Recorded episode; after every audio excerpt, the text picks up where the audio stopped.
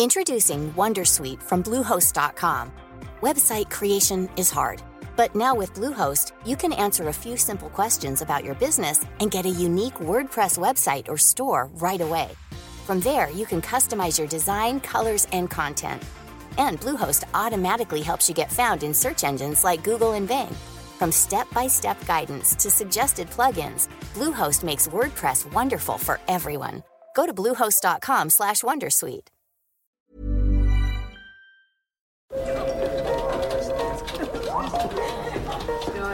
Dette er lyden av norsk næringsliv.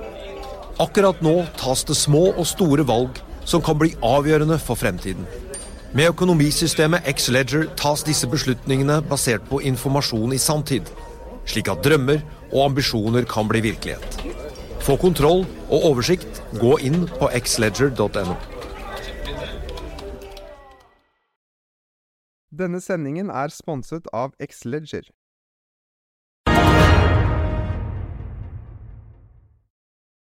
Velkommen til Økonominyhetene og vår morgensending mandag. I dag skal vi se nærmere på oljepris, vi har snakket med råværsjef i SB Bjarne Schjelderup. Vi skal også innom hva som rører seg på markedene og Oslo Børs med analytiker Roger Berntsen i Nordnett.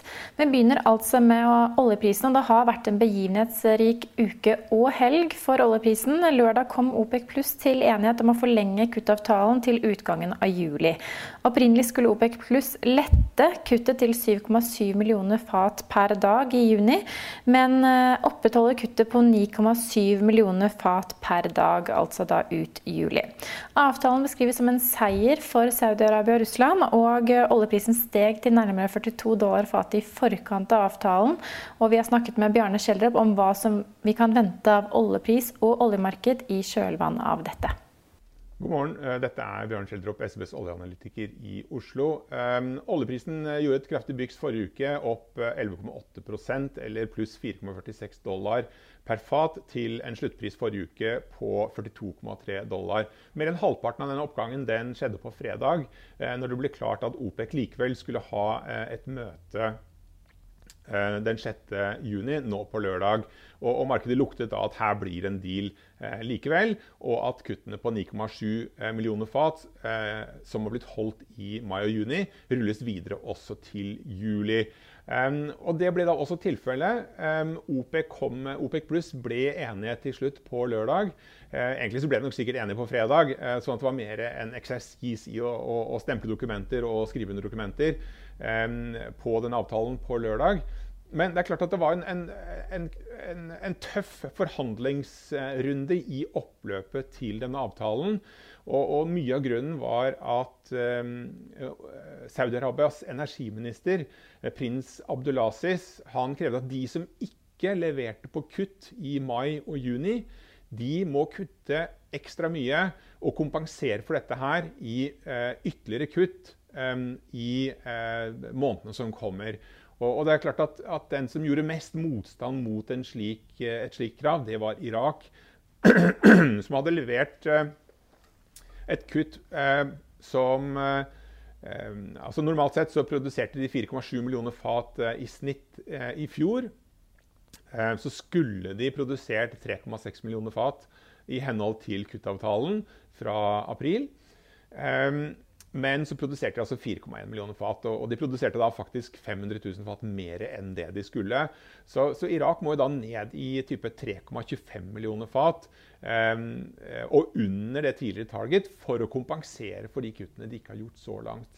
Det er klart at Dette er svært vanskelig. Irak må da betale internasjonale oljeselskaper for at de skal redusere produksjonen.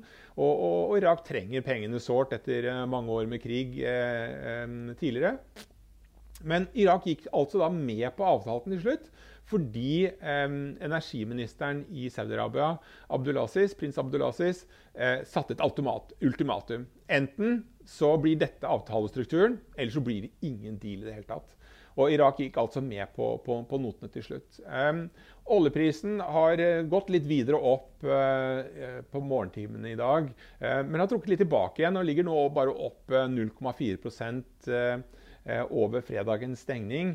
Eh, to ting gjør nok at eh, markedet er litt, litt, dempet optimisme her akkurat i dag. For det første så, så ble jo mesteparten av, av, oppgangen tatt ut allerede på fredag.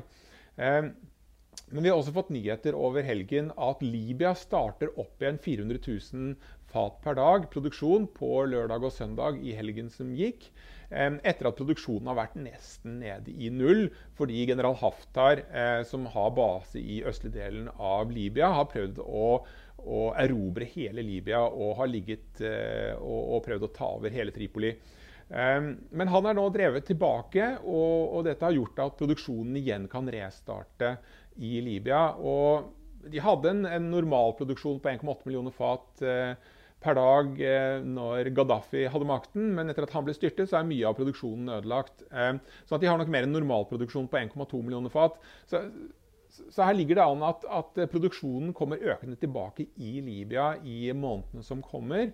Eh, og Det er klart at det er litt salt i såret etter en, en suksessfull avtale nå på på, på, lørdag.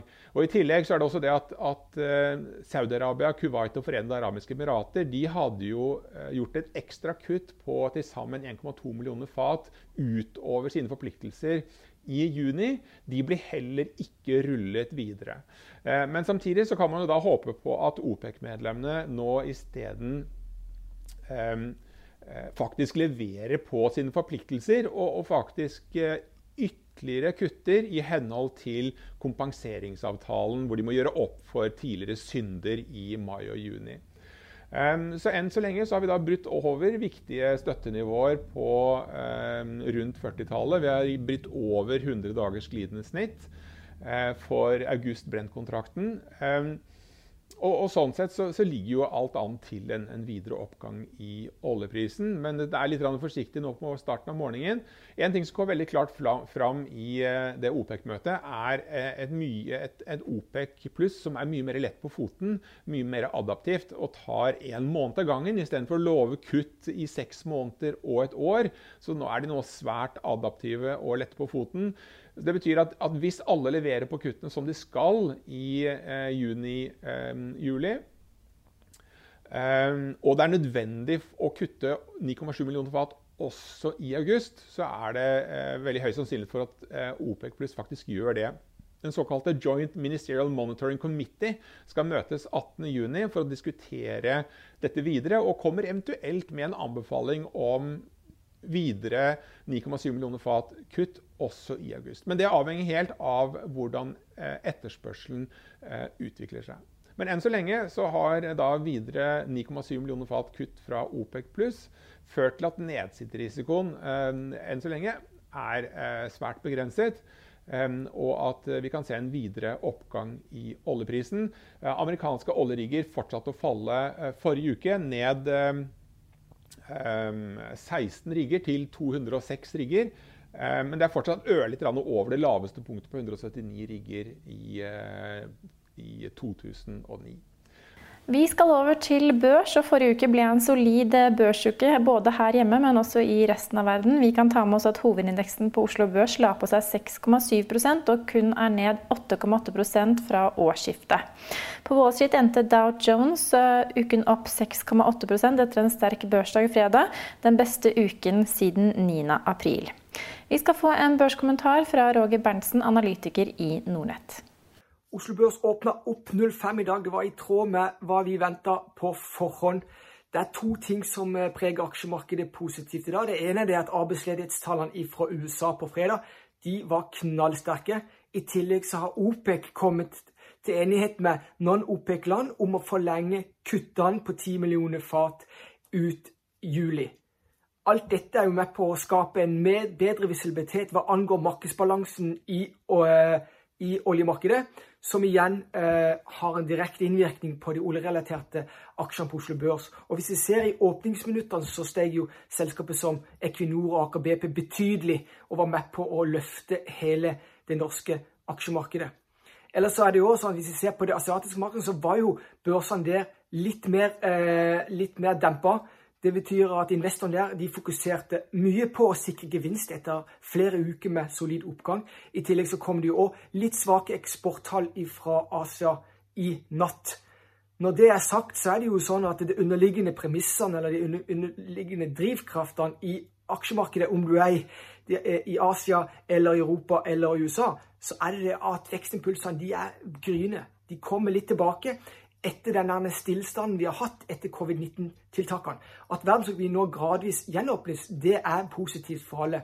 Og Hvis vi går konkret eh, inn i tallene på jobbtallene fra USA på fredag, så viste det helt klar tendens til at de industriene som har slitt mest under covid-19-krisen, det er de som eh, etterspør mer arbeidskraft Eh, i, i, det korte bildet. Og Det være flyselskapet, det er reiselivsselskapet, og vi ser det jo at de aksjekursene eh, relatert til fly og, og, og, og, reiseliv, de har jo steget betydelig den siste tida. Så er det jo en kjensgjerning det at eh, de amerikanske børsene hvis du deler det inn i to, i, i to klasser, hvor du har teknologirelaterte på den ene sida, men Nasdaq-indeksen Nasdaq-indeksen, i Nasdaq 100, er i all time high, mens industritunge Dow Jones den er fremdeles 8% under all time high.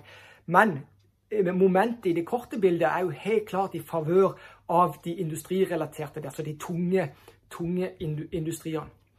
Ellers er det sånn at Oslo Børs, Oslo Børs er jo på godt og vondt uh, avhengig av hvordan det går i markedet generelt, eller i verdensøkonomien generelt.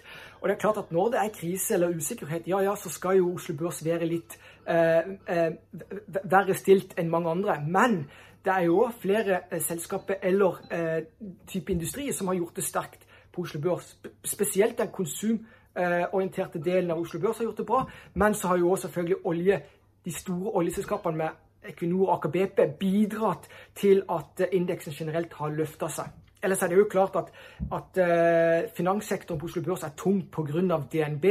DNB er òg i en, en kjempeskvis, uh, gitt at, uh, gitt at økonomien står så på stedet hvil som den egentlig gjør. For det er klart at aksjemarkedet globalt sett de preges av at, at investorene forventer at denne covid-19-krisen den skal gå over, og at vi skal komme i kapp og vi skal vinne den krigen mot eh, covid-19-viruset. Det gjenstår jo selvfølgelig å se, men enn så lenge så ser jo som de impulsene eller de momentene som vi kan måle, de ser positive ut. Det var dagens morgensending. Vi er tilbake med vår ettermiddagssending klokken 15.30 sammen med Trygve Hegnar. Du kan følge vår løpende nyhetsdekning på finansavisen.no, og så er morgensendingen tilbake i morgen tidlig klokken ti.